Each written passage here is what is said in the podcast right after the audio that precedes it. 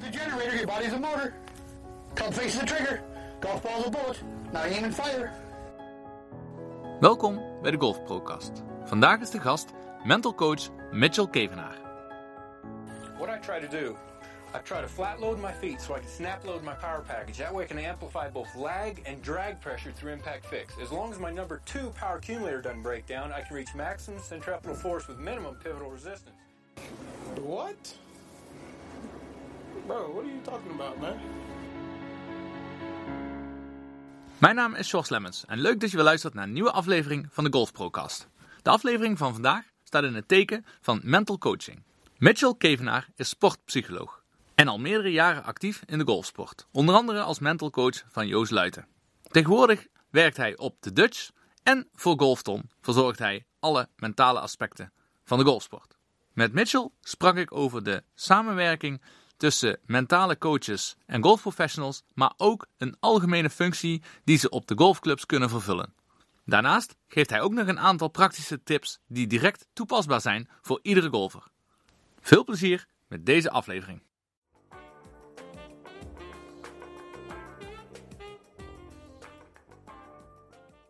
Zo, goedemorgen Mitchell. Welkom in de Golf eh, Procast. Dankjewel. Ook goedemorgen. Ja, super dat je hier bent. We zitten eh, lekker vroeg, zaterdagochtend, Yes. 8 uur, op eh, het prachtige terras van Wittem, de Zuid-Limburgse Golf Country Club. Ehm, voordat we gaan uitleggen eigenlijk waarom we hier zijn en waarom we hier hebben afgesproken, ben ik even vooral benieuwd naar jouw achtergrond. Hoe het zover gekomen is dat jij sportpsycholoog bent geworden. Nou, korte versie. Eh, ik ben zelf begonnen met eh, golf toen ik 9 jaar was. Mijn vader die had me meegenomen naar de baan om zijn eh, karretje te trekken. Nou, dat had ik snel gezien. Er is ergens een, een club afgezaagd. naar de driving range en, en eerste bal rechtslaag, tweede bal rechtslaag, derde bal boogje richting het 50 meter bord. En vanaf dat moment was ik verkocht aan het spelletje. En mijn vader ging al eens in de twee weken. Nou, dat werd één keer per week, dat werd twee keer per week. En ik stond zes dagen per week op de, op de golfbaan. Tussen mijn twaalfde en mijn vijftiende, zestiende nog een aantal jaar nationale selecties gespeeld. En dat was een beetje de lichting Sander van Duin, Taco Remkes. eh, Wil Besseling kwam net kijken.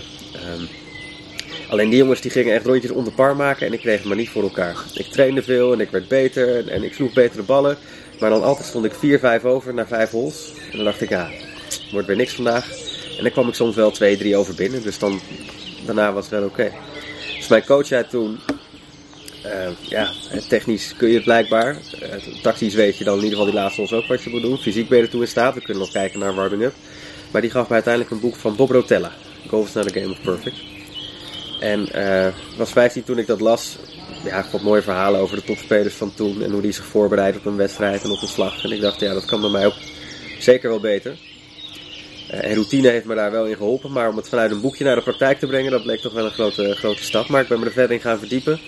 Op zoek gegaan naar sportpsychologie in Nederland. Niet echt kunnen vinden. Dus ik heb eerst psychologie gedaan gewoon eh, aan de Erasmus Universiteit. En toen ik dat aan het afronden was, kwam de nieuwe opleiding sportpsychologie in Amsterdam. Dus daar ben ik toen gelijk in, eh, in doorgegaan.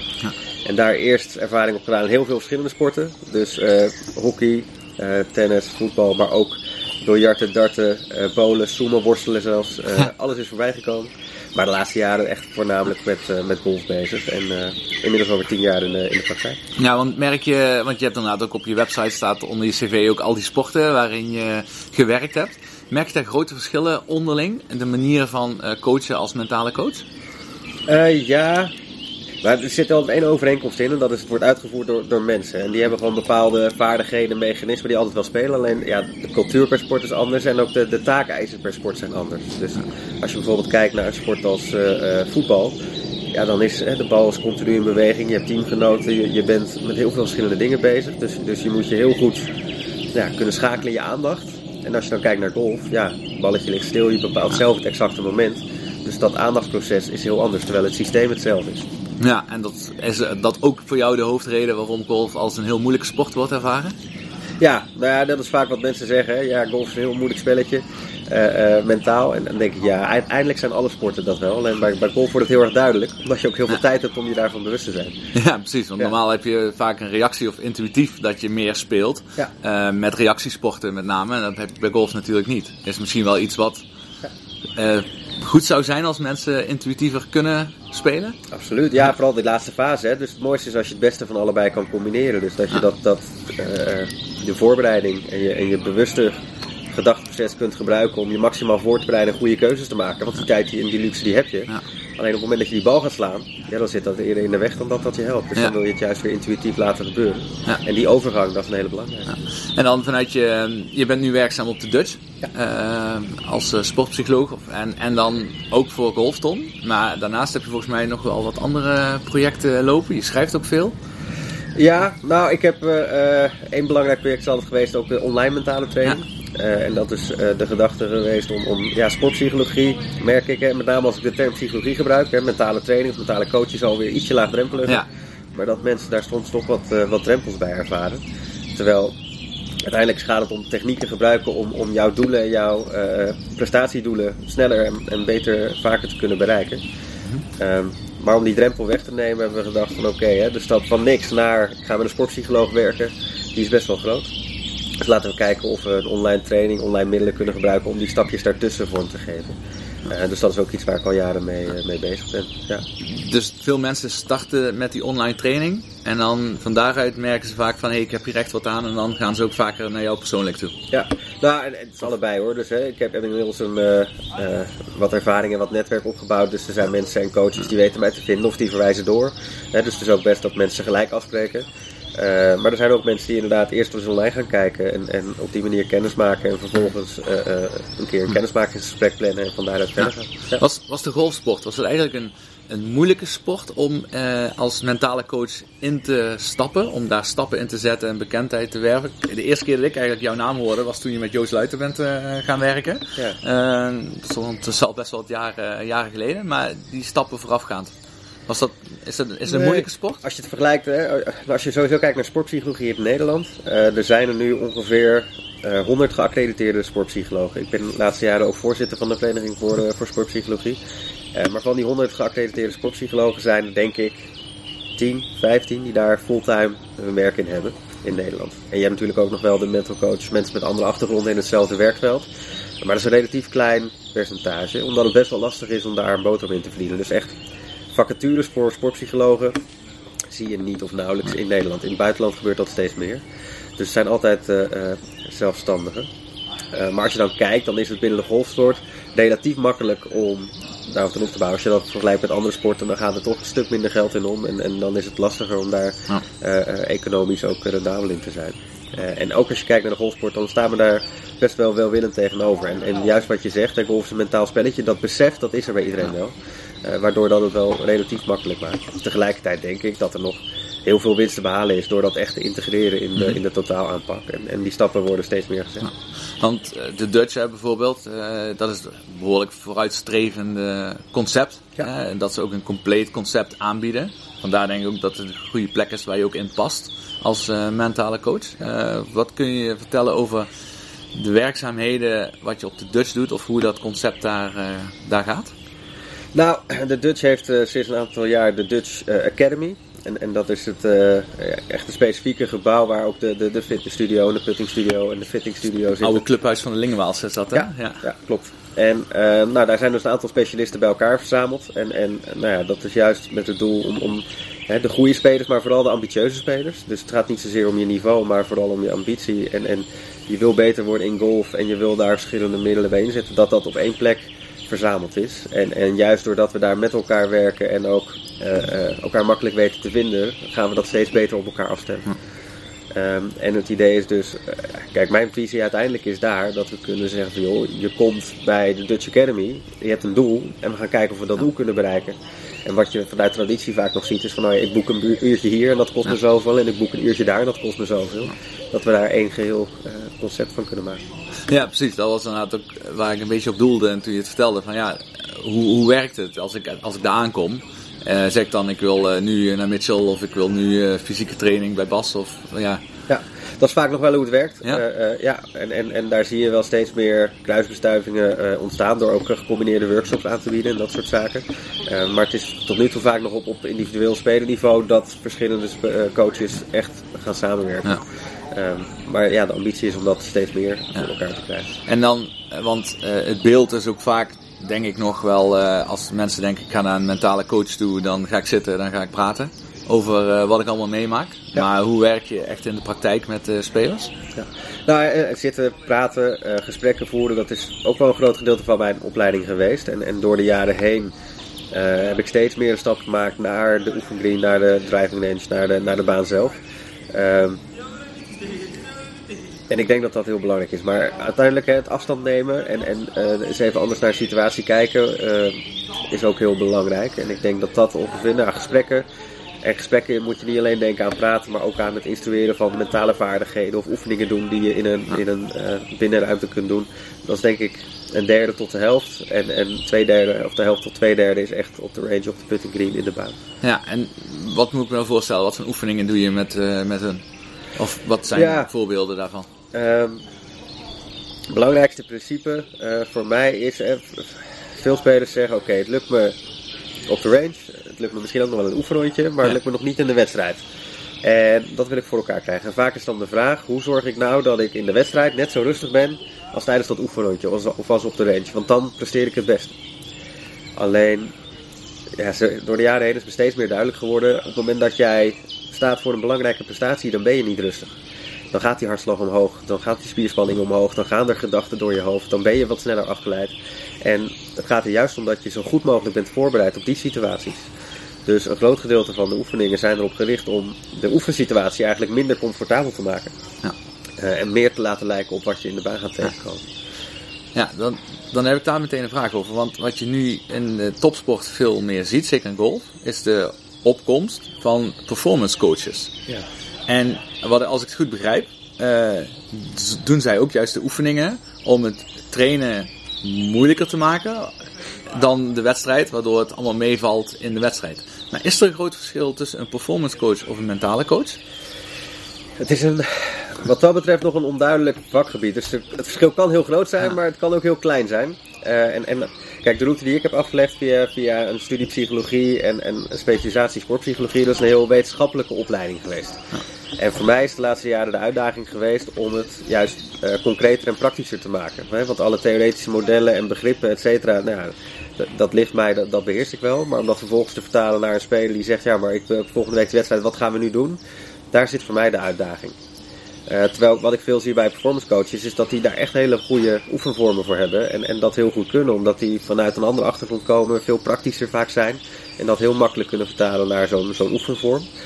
Alleen soms, en dat verschilt dus heel erg per individu, heb ik het idee dat, dat als dat weer niet gefundeerd is in die wetenschap of in die basis, kan je ook soms weer net de plank eh, misslaan. En ehm, ik voel eh, vanuit mijn psychologie-achtergrond ook wel een verantwoordelijkheid om niet alleen naar de speler en de presteerder te kijken, maar ook naar de mens. En te kijken naar hoe zit iemand in zijn vel, eh, hoe gaat het thuis, hoe gaat het op school en hoe is alles in balans. En dat hele plaatje mee te nemen. En ehm, ja, als ik ook kijk naar mijn achtergrond, dan heb ik daar met name de eerste jaren nadat ik afgestudeerd was nog heel veel in moeten leren en moeten bijscholen. En daarvan weet ik niet zo goed hoe anderen dat, eh, dat doen. Ehm, dus dat kan een verschil zijn, maar ja, ik heb daar niet zo zicht op, want Ja. het is zo divers. Ja. Dus dat verschilt echt per persoon. Ja, want nu werk je, oké, dat is heel duidelijk inderdaad. En nu werk je veel samen ook met de golfprofessionals dan, vooral op de Dutch. Maar eigenlijk buiten de Dutch ook eh, steeds meer landelijk. Ja. Zoals bij Golfton eh, bijvoorbeeld, waar we met veel professionals eh, en specialisten samenwerken. Eh, wat, wat kun je ons een beetje vertellen over de samenwerking die je op dit moment hebt en waar je graag meer naartoe zou willen gaan? Ehm, wat ik mooi vind aan Golfton is dat al die specialisten bij elkaar zijn gebracht. Om, om te bekijken vanuit het technische full swing, maar ook specifiek voor, voor putten, course management erbij, fysiek erbij, eh, het, het complete plaatje. Ehm, en wat je dan vaak in eerste instantie ziet is een, een, een soort van multidisciplinair samenwerken. Dus eh, iedereen doet zijn specialisme naast dat iemand anders het specialisme doet eh, wat diegene heeft. Dus het is een beetje parallel aan elkaar. En dan ergens moet dat bij elkaar komen. En vaak zie je dan dat nu de hoofdcoach van een speler, dat dat het knooppunt is waar alles samenkomt en die integreren tot, tot één aanpak. En de stap die ik zou willen maken, die we denk ik ook met Golfton willen maken, is dat we het nog meer eh, interdisciplinair gaan maken. Dus dat wil zeggen dat je het niet parallel aan elkaar doet, maar dat je echt met specialisten bij elkaar gaat zitten om vervolgens gezamenlijk tot één aanpak te komen. En dan kan dus nog de coach degene zijn die het knooppunt naar de, naar de speler is. Maar je kan ook uiteindelijk naar een situatie toe dat er een, een soort performance manager is. Want coaches vinden het ook wel heel fijn om eh, niet alleen maar bezig te blijven met alle abstractheden en planningen en dat soort zaken. Maar vooral ook lekker concreet oefeningen te doen met de speler richting de wedstrijd, et cetera. Dus die wil je ook. En sommige coaches vinden dat fijn om dat overkoepelende stuk erbij te pakken. Maar anderen hebben zoiets van, nou ja, als iemand dat me dat uit handen kan nemen, dat is misschien ook juist wel prettig. En dat is dan het, het interdisciplinaire samenwerken. Eh, en dat je soms ook juist op onderwerp kan zeggen van oké, eh, we hebben nu een speler die staat voor de stap, eh, ga ik pro worden of ga ik eh, amateur blijven? Ehm, wat komt er allemaal bij kijken? Oké, nou dan is het misschien handig om inderdaad, hè, de hoofdcoach moeten we erbij hebben, want we hebben technisch nodig, maar we hebben ook iemand nodig die meer gaat over het financiële en over het plannen en over het, eh, dat soort zaken. Eh, ja, fysiek, wat is daarvoor nodig? Hè? Want dan gaat het leven er anders uitzien. Je bent nog vaker alleen op, reis. Eh, je hebt minder faciliteit. Hoe, hoe ga je daarmee om? Vanuit mentaal oogpunt, wat komt erbij kijken? Want je bent amateur en als je een keertje een slechte week hebt, dat is dan zo. Maar ja, als je professional bent en je hebt een keer een kans, dan moet je ook presteren. Hoe, hoe ga je daarmee om? Eh, breng die mensen eens bij elkaar en ga dan een plan maken voor die fase, voor die speler, vanuit al die oogpunten tegelijk. Eh, dat zou denk ik een mooie, mooie ambitie zijn. Ja, en dat hebben we dan, ja, bij Golfton heb je dat helemaal eh, compleet. Dat je allemaal in één grote groep in één ruimte zit. Ja. Ehm, laten we zeggen, de professionals, de professionals die meer in de traditionele setting zijn, die op een club lesgeven, die worden soms wel al ondersteund, eh, vaak door fysieke coaches. Dat is dan redelijk gangbaar. Ehm, maar hoe zou jij in die traditionelere setting het zien, een samenwerking, of wat zouden zij kunnen doen? Want kijk, iedereen kent het voorbeeld van coaches, en dat is voor mezelf ook. Hè. Ik heb die mensen op, ik heb veel mensen op les, die staan op driver staan ze echt prachtige ballen te slaan. Eh, als je oefent, dat gaat allemaal prima. Stap met ze de baan op, eerste beste bal, stappen ze volle bak naar achteren toe. Dat is echt de meest gemaakte fout wat ik echt zie. Dat als mensen de banen gaan, stappen ze terug naar achter. Ik kan het ze honderd keer zeggen, dat ze op, die, op, die, op hun linkerbeen moeten eindigen, zoals ze op de driver eens doen. Maar toch gebeurt dat op de een of andere manier niet. Nee. Hoe zou je daarin hulp kunnen zoeken of hoe zie jij dat voor je? Misschien twee varianten, want wat wel leuk is om te vertellen. Hè? Want de Dutch is natuurlijk voor mij een ideale plek, eh, eh, voor Ja. een strevende plek om dat soort dingen in praktijk te brengen. Maar ik ben ooit zelf begonnen op Golfclub Kralingen, eh, Ja. Rotterdam. En daar heb ik jarenlang samen met Mariette de Groot, wat we noemen het complete golvenprogramma gedraaid. Eh, en daar hebben we dus in een jaarprogramma aangeboden, begeleiding op alle vlakken. Mariette en ik werkten daar goed in samen om, om juist die combinatie te maken. En dan was de winterperiode vaak erop gericht om, om te werken aan de technische verbeteringen en een aantal mentale technieken aan te leren. Maar dan gingen we op een gegeven moment, hè, februari, maart, gingen we er naartoe van oké, maar nu moeten we het bij elkaar gaan brengen. Om te zorgen, hè, de transfer, dat je het mee gaat nemen naar, naar de baan. Ja.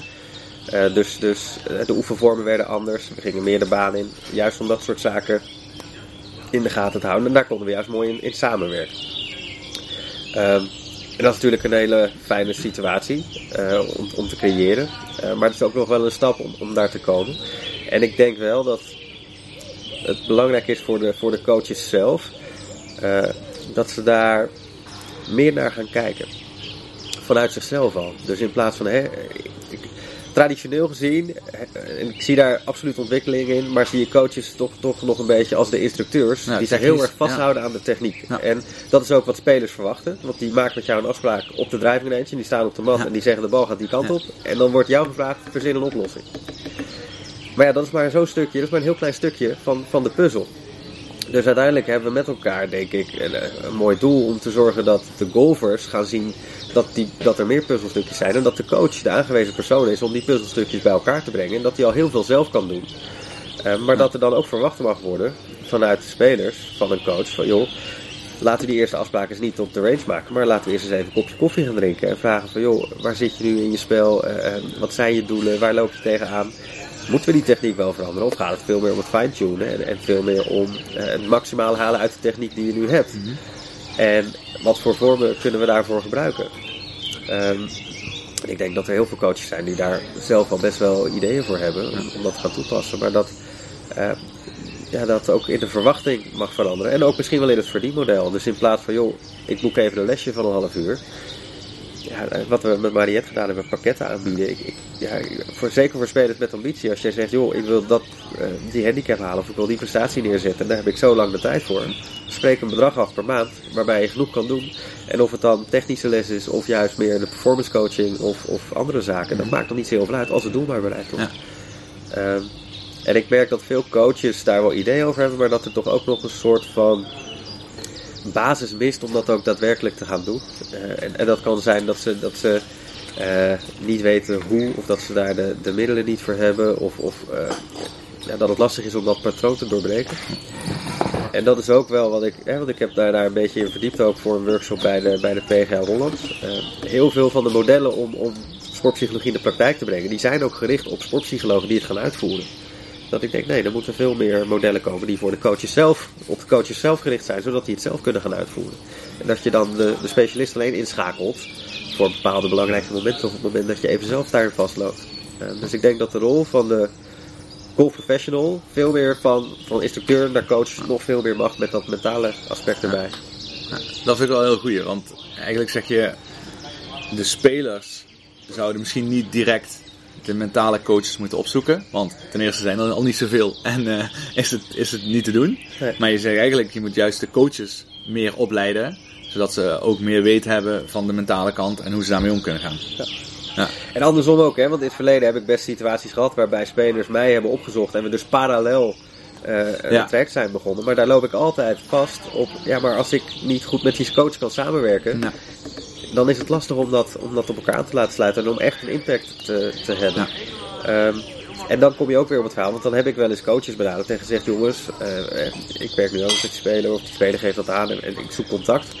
Maar dan kom je op de praktische zaken. Van ja, wanneer gaan we dan afspreken en wie, en wie betaalt dat dan? En, en eh, dat ik denk, ja, dat is, niet, dat is niet de weg. Ik zou het veel mooier vinden als een coach op zijn locatie zegt: joh, ik bied het totale pakketje. Ik ben daar het aanspreekpunt voor. Eh, dit is het tarief wat daarvoor geldt. En als het nodig is, dan schakel ik daar de, de specialist bij in. Ehm, want uiteindelijk is toch de vertrouwensband tussen speler en coach, dat is zo belangrijk. Ja. Eh, en dat is ook de, belang, ja, de, de eerste route. Ja. Ja, precies. En heb je dan wel, want ik ben even het vergelijk ook zoeken met andere sporten waar ik, daar, waar ik datzelfde zie of wel hoor. Heb je dan, je hebt wel nog steeds van die headcoach is eigenlijk wel een beetje het aanspreekpunt. Eh, en, en hij zoekt om zich heen juist specialisten die hem helpen in eh, het opleiden van, eh, van die speler.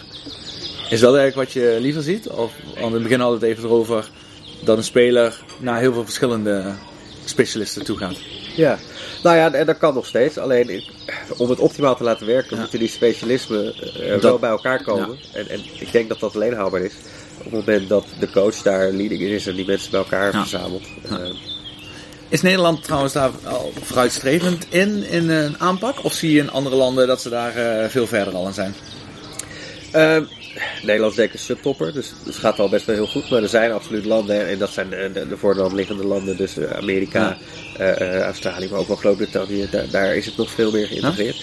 Alleen wat je daar ziet, sport is verbonden aan onderwijs. En bij onderwijsinstellingen heb je ook altijd afdelingen psychologie en daar houden ze zich met sport bezig. Dus daar is daar veel makkelijker om die, om die link te maken. In Nederland heb je natuurlijk een fantastische clubstructuur. Alleen dat staat heel erg af van het, van het onderwijs. Dus die, die stap wordt ook minder snel gemaakt. Dus als je bij een college team gaat kijken, Ja. daar hebben ze een afdeling sportpsychologie. Die gaat onderzoek doen. En, en tegelijkertijd breng je die, die dingen bij elkaar. En dat zie je in Nederland eigenlijk niet. Het is natuurlijk wel een groot apparaat, hè? Het hele college golf, eh, niet alleen college golf, maar college sport in het algemeen. Het is natuurlijk al een enorm instituut waar Absoluut. alles zit. Ja. En dat, dat hebben wij echt totaal nog niet. Nee, en ik weet ook niet of we dat gaan krijgen. Maar Nee. ik denk juist, hè, want, vaak. Het valt een beetje af misschien van mijn, van mijn. Maar als ik kijk naar, naar sport. Eh, dan hebben we vaak in Nederland ook de neiging als het gaat om de golf om te kijken. Ja, maar kijk eens hoe succesvol Italië is. Of kijk eens hoe succesvol Ja. Denemarken is. Of kijk eens hoe succesvol Zweden is. En, en wat kunnen we daar nou van leren? En tuurlijk wil je daar naar kijken en wil je ervan leren. Maar laten we nou vooral kijken naar wat hebben we in Nederland. En wat maakt Nederland nou eh, uniek? Ja. En laten we zorgen dat dat gaat werken. Dus als je het over een clubstructuur, volgens mij is dat uniek in de wereld, wat we hier in Nederland hebben. Alleen hoe kunnen we dat nou zo goed mogelijk benutten? Precies. In plaats van te zeggen van ja, maar college golf en studie Ja. is, is ook heel mooi. Ehm, doen ze fantastisch daar, maar dat kunnen wij niet beter doen. Wij moeten het op onze manier gaan doen. Want wij gaan geen duizenden mensen op één plek krijgen. Maar als wij juist inderdaad een aantal locaties hebben, zoals Golfton of de Dutch, en zo zijn er natuurlijk nog meer in Nederland, die alles aanbieden, Ja. dan heeft iedere speler al een plek waar hij naartoe kan. Exact. En dan op, op kleine, op clubniveau, dan wanneer de coaches daar beter opgeleid zijn, eh, beter opgeleid, completer opgeleid zijn in verschillende takken, dan kunnen zij ook hun mensen beter begeleiden. Dat is eigenlijk een beetje eh, samengevattend waar je graag naartoe zou willen gaan. Of hoe jij het ziet. Ja. En eh, ik merk bij jou ook hè, op het moment dat je zegt eh, beter opgeleid of completer opgeleid. En, en dat zijn ook altijd discussies. Ja, dat vind ik wel eh, moeilijk, want ik denk wel dat Nederlandse golfprofessionals goed opgeleid zijn inderdaad. Absoluut. Maar het is, daarom noem ik de term meer completer. Om Ja, en, maar dat, en dat hoor ik bij jou. En dat we Ja. daarin ook zorgvuldig onze, Ja. onze woorden willen kiezen. En dat gaat ook altijd over bijvoorbeeld richting de bond. Of hè, van, van hè, moet het centraal of moet het decentraal en moet het beter. Ik vind het eigenlijk helemaal niet zo interessant. Volgens mij hebben we in Nederland heel goed opgeleide coaches. Eh, maar elke goed opgeleide coach weet ook, het kan altijd nog veel beter. Er is nog zoveel Mhm. ruimte om je te blijven ontwikkelen. En volgens mij moeten we vooral processen hebben met elkaar. Waarin we die ontwikkeling eh, zo goed mogelijk faciliteren. Ja. Het maakt me eigenlijk niet zo heel veel uit hoe goed je nu bent. Het gaat me er vooral om, word je steeds een beetje beter. Want dat willen we van die spelers toch net zo goed. Ja. Eh, dat ze uiteindelijk heel goed worden. En het maakt me niet zo heel veel uit waar je begint, als je maar bezig bent met beter worden. Ehm, en volgens mij, joh, eh, ik denk dat Nederland wat dat betreft, als je het hebt over sterke punten, als je het hebt over de coaches en hoe goed ze opgeleid zijn, en, en ik denk dat we daar juist een hele grote pre hebben en dat we dat nog veel beter moeten benutten. Ja, precies. Zijn er dingen die jij zelf nog eh, hebt waarvan je zegt dat wil ik graag eh, nog meedelen aan coaches in Nederland, golf in het algemeen? Ehm, het belangrijkste punt is denk ik inderdaad genoeg van, van kijk naar je eigen rol daarin. En eh, wees daar ook niet te bang in van, van hè, dat is, ben ik niet gespecialiseerd of dat is niet, niet mijn terrein. Eh, als, als coach in de sport werk je met mensen en heb je automatisch te maken met psychologie en met mentaal. Eh, of je het nou wil of niet. Eh, dus, dus, maar wees je daarvan bewust en kijk of je daar, maakt me niet uit hoe goed dat nu gaat, maar of je daar steeds een beetje beter in kan worden. En een belangrijk punt, eh, wat ik ook aangaf, hè, de Dutch is voor mij een hele mooie plek, maar het begon nog op de Kralingen. En in dat complete golfprogramma, daar zaten spelers van handicap 54 tot handicap 10. En kijk, die handicapper 10 die single wil worden, dat is een heel mooi traject natuurlijk. Want die heeft ambitie en die weet een beetje waar hij goed in is, waar hij niet goed in is. En dan komt er soms spanning bij kijken als het er een rondje aankomt van, hé, gaat het vandaag gebeuren? Maar ik stond er ook van te kijken dat handicappers 54, eh, op het moment dat die op een eerste tee staan om voor de tweede of de derde keer de baan in te gaan en er staan wat mensen te kijken, wat die kunnen ervaren, dat is, dat is hetzelfde systeem wat er dan eh, een rol speelt. En die kunnen zoveel baat hebben bij diezelfde technieken. En, en waarschijnlijk op het moment dat ze dat op dat moment leren, en ze komen uiteindelijk bij een volgende drempel, dan kunnen ze dat weer veel makkelijker eh, toepassen. Dus als het gaat om het niveau, dan is er nog wel eens de gedachte van sportpsychologie en mentale training is echt voor die, voor die toppers. Maar ik denk juist, nee, het is overal bij betrokken. En hoe beter je dat aan het begin inbedt en, en tot één verhaal maakt, hoe meer profijt een speler daar later eh, van heeft op het moment dat hij weer een andere barrière tegenkomt. Dus dat is nog wel een belangrijke uitgangspunt. Ja, heel mooi. En dan ja, als laatste wil ik even wat, nog even wat eh, praktische eh, dingen. En dan gebruiken we even jou als voorbeeld. Want eh, wat Ja. ik in het begin al zei. ja, je gaat vandaag 36 holes spelen. Dus de Open Amateur Tour is hier in Wittem. Yes. Ehm daar ben ik een paar dingen benieuwd naar. Maakt het voor het brein eigenlijk nog veel uit of je nu om 8 uur 's ochtends je ronde gaat starten of gaat beginnen met je voorbereiding? Of dat je een late ronde hebt waarin je gaat beginnen? Wat maakt het uit voor je voorbereiding of voor je brein? Ik denk dat het zeker een, eh, een factor is. En dat het wel heel erg per persoon eh, verschilt. eh, of dat een voor- of nadeel is en hoe je, daar, hoe je daarmee omgaat. Dus, dus uiteindelijk heb ik wel ervaren dat er, dat er toch ochtendmensen en avondmensen zijn. En mensen die 's ochtends scherp zijn en mensen die 's avonds scherper zijn. En de een zal op een andere manier met zo'n situatie moeten omgaan dan de, dan de ander. Eh, om dat dan heel praktisch te maken. Ja, je weet ook wel, het gaat een beetje gecombineerd, maar vanuit het fysiek aspect zijn er ook spelers die zeggen van oké, ik moet in ieder geval drie uur voor mijn starttijd moet ik wakker zijn. Ehm, ja, mentaal kan dat net zo goed spelen dat je even nodig hebt om, om actief te worden. En als we het hebben over een warming-up, als, we, als we het praktisch maken, dan, dan zie ik veel spelers naar een driving range gaan om, om fysiek warm te worden. Maar je wil ook mentaal warm zijn. En, en aandacht is voor mij daarin de belangrijkste vaardigheid. Dus, dus waar ben ik mee bezig? Op welk moment? En dat is, als je een bal gaat slaan, het belangrijkste aspect. Dus ehm, als we het hebben over aandachtspunten tijdens de slag, het liefste zie ik externe aandachtspunten. Als je heel technisch bezig bent, hè, dan kan je ook nog wel een technisch aandachtspunt hebben. Maar dat kan bijvoorbeeld zijn een balvlucht of, of eh, een vertreklijn of waar je de bal wilt raken. Dat is eigenlijk jouw focus op het moment dat je die bal gaat slaan. Daar wil je je aandacht hebben. En de rest is afleiding. Dus eh, het vogeltje wat je hoort op de achtergrond kan afleiding zijn. Iemand die eh, over een grindpad loopt kan afleiding zijn. Maar ook gedachten aan, ik wil wel vandaag lekker beginnen met een par, is ook een afleiding. Ehm, dus je aandacht op de goede plek hebben. Dat is wat je, wat je voor elkaar wil hebben. Een mentale eh, warming-up zorgt er dus voor dat je oefent met het schakelen in je aandacht. Ehm, en dat kan dus heel simpel zijn. ehm, luister eventjes heel goed naar dat vogeltje. En, en luister vervolgens even heel goed naar mensen die op de achtergrond aan het praten zijn. Ehm, kijk. Neem eens even de hele omgeving in je op. Of, of kijk vervolgens eens even naar één target op de range. Heel specifiek. Ehm, en wissel dus van aandachtspunten om uiteindelijk je aandacht daar te krijgen waar je, waar je hem hebben wil. Eh, en dat wil je een aantal keer gedaan hebben voordat je de baan in gaat. Dus, eh, zodat je er al in zit. Het is ook een soort acceptatie, denk ik dan. Hè? Even luisteren naar hetgene wat je zou kunnen afleiden. Vaak is het toch ook zo, hè? als je iets, iets hoort wat je stoort, als je het dan gaat accepteren, dan ben je er eigenlijk vanaf. Ja.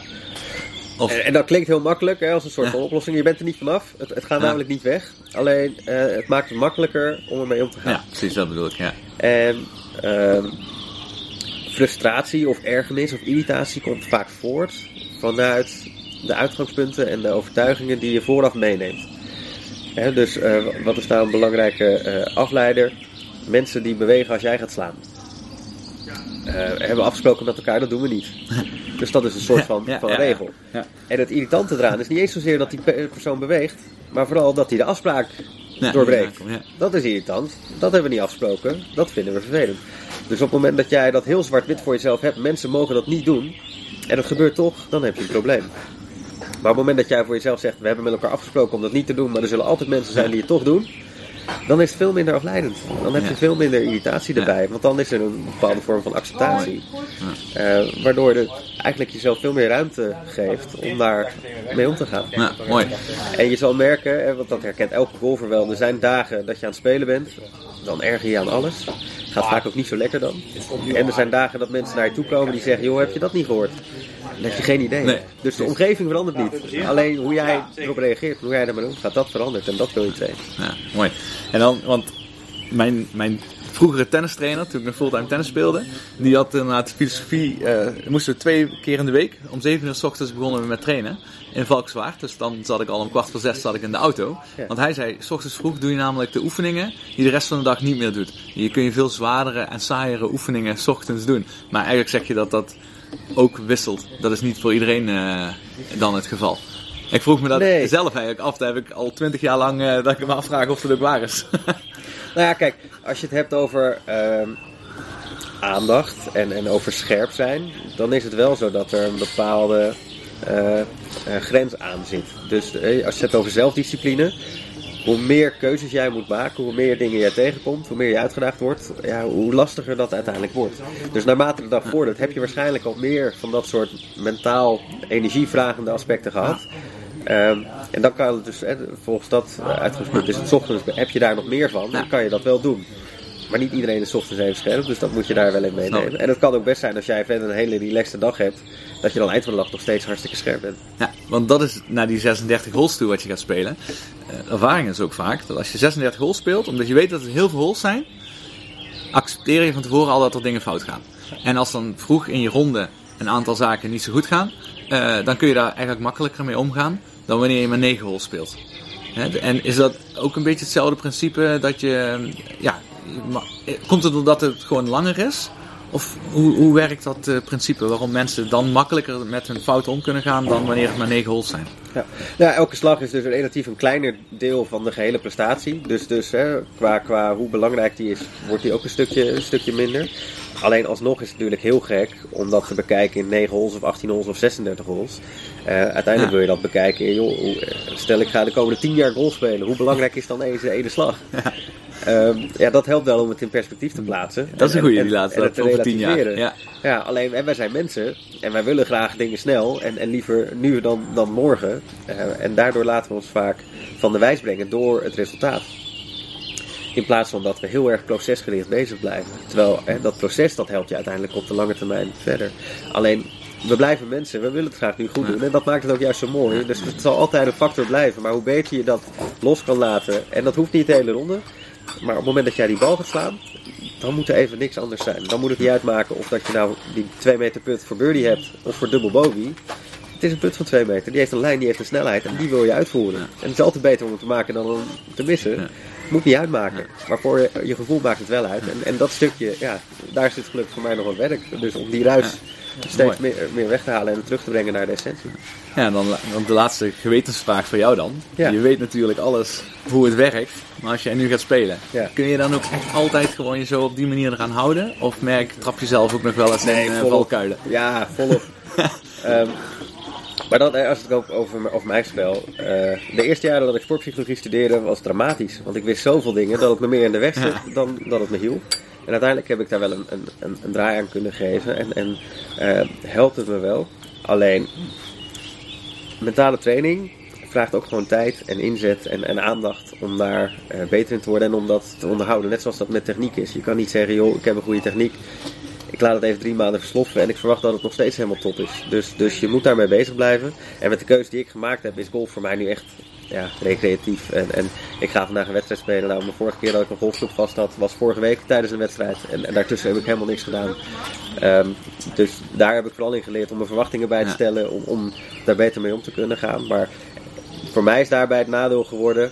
eh, ik kan nu zo goed relativeren dat het lastig is om met die intensiteit te spelen waar ik vroeger mee speelde. Dus het voordeel is, ik word minder snel boos. Dus waar toen ik 16 was nog wel eens een clubje in de grond wilde hakken, dan gaan we nu echt niet meer zo vaak gebeuren. Ehm, alleen die scherpte, die intensiteit om echt voor dat resultaat te gaan, die is er nu ook minder. Omdat ik er gewoon minder mee bezig ben en er minder op voorbereid ben. Eh, en dat is nodig. Dus, dus het is niet zo dat ik met mijn kennis het gelijk kan toepassen. Als ik dat wil toepassen, dan moet ik daar tijd voor vrijmaken. Moet ik daarmee aan de slag. En dan gaan we weer kijken wat het mij nog meer kan, eh, kan brengen. Ja. Nou, mooi Mitchell. Super, dankjewel. Ik vond het heel leuk om eh, in de ochtend eh, zo even met je te praten over een eh, vakgebied ja, wat niet zo dicht nog, nog bij mij staat. Maar dat hebben we het genoeg over gehad. Ja. Hè, dus leuk dat het niet puur over het golf technisch of fysieke ging, maar het mentale te pakken. Ik vond het echt heel interessant. Ik hoop dat je het zelf ook leuk vond om en kwijt te kunnen wat je Zeker graag leuk. wilde zeggen. Nou, misschien als ik dan, Ja? ik weet niet hoe lang we nog hebben, maar als, Nou, als ik nog één vraag kan stellen. Want als golfprofessional zelf, ehm, wat is nou een, een, punt waarbij jij denkt van hé, hey, maar dat, dat, dat triggert mij, daar kan ik misschien in mijn eigen werkwijze nog eens naar kijken wat ik daarmee kan doen. Je bedoelt waar we het net over, eh, Ja. over gehad hebben. Nou ja, het, het grappige is dan, golfprofessionals, eh, net zoals ik, maar veel zijn heel praktisch. En dat, dat zie je ook trouwens bij een golfcoach of uh, golfton eh, meetings. Dat de golfprofessional heel snel in die oplossingen zitten te denken. En jij bent vaak een beetje een, een noem ik een beetje tegengewicht, die het wat relativeert en ook van de andere kant bekijkt. Dus als jij een, een, een praat bent, op het laatste kom je met een aantal praktische voorbeelden waar je zegt die ene slag is niet belangrijk, maar het gaat over tien jaar. Dat is iets wat bij mij direct triggert. Omdat dat is een heel tastbaar eh, iets. En denk van, oh, dat ga ik met, vanmiddag meteen eh, tegen mensen zeggen als ze boos worden omdat ze een slechte bal eh, hebben geslagen. Hè? Ja. Dus dat is heel grappig dat dat soort praktische dingen het meteen bij mij echt heel binnenkomen. Maar ook zeker op die lange termijn. En dat vind ik wel heel mooi en goed waar we wel naartoe moeten gaan, is inderdaad die complete coaching. Ja, om, en, maar dat is niet iets wat je vanmiddag al voor elkaar hebt. Dat is natuurlijk een langere termijn eh, wat nodig is. En ik ben ook echt heel blij en ook, ook zelfs trots eh, dat ik deel uitmaak van uh, Golfton om te zien hoe dat daar gaat. Want dit is echt een concept waar we het, eh, zoals iedereen het graag beschrijft, zo wordt het ook uitgevoerd. En veel mensen hebben plannen. Maar dit is een heel daadkrachtige organisatie. En dat valt me heel erg op, dat echt stappen gezet worden. En dat is heel mooi om te zien. En dat is eigenlijk uh, ja, waar we, ik denk als golfprofessionals, uh, naartoe moeten blijven groeien om completere coaches te worden. Maar dat is wel een lang proces. Ja. Ja, en, en dat is vaak het verschil daarna tussen bij golf, golfprofessionals. De praktische kant, wat heel snel toepasbaar is. Dat is ook een valkuil van ons. Daarom zien we ook met lessen, als iemand een bal slaat en die bal gaat naar rechts, ja, dan gaan we heel snel al kijken wat doet die grip. Of wat is een zwaaibaan. Waardoor dit gebeurt. Ja. Um, en we kijken minder snel naar een heel lang, langer traject en een compleet plaatje.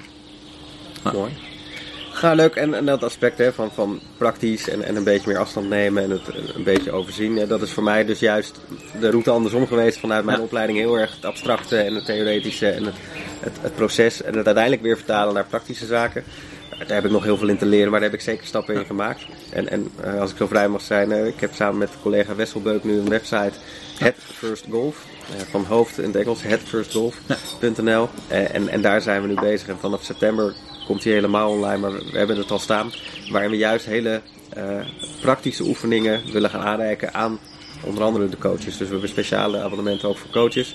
Waar gewoon heel veel oefenstof in staat. Van als het nou gaat om concentratie of, of trainen onder druk. Of dat we die oefeningen daar verzamelen. Met daarin de uitleg over waarom je het zo kan doen. Wanneer je het zo kan doen. Eh, hoe je het zo kan doen. Ehm, met welke targets, met welke afstanden, met welke niveaus. Uh, dus het hele concrete willen we daar verzamelen. Maar altijd wel weer gelinkt aan de laatste stand van zaken in de, in de wetenschap. Met een stuk uitleg erbij. Om juist de coaches te ondersteunen.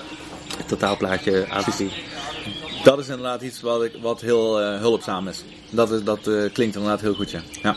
Want dat is denk ik hetgene wat coaches, ja, of golfprofessionals, laat ik ze zo even noemen, vaak nodig hebben. Inderdaad, praktische voorbeelden waarmee ze met mensen aan de slag kunnen gaan en kunnen werken. Inderdaad. Ja.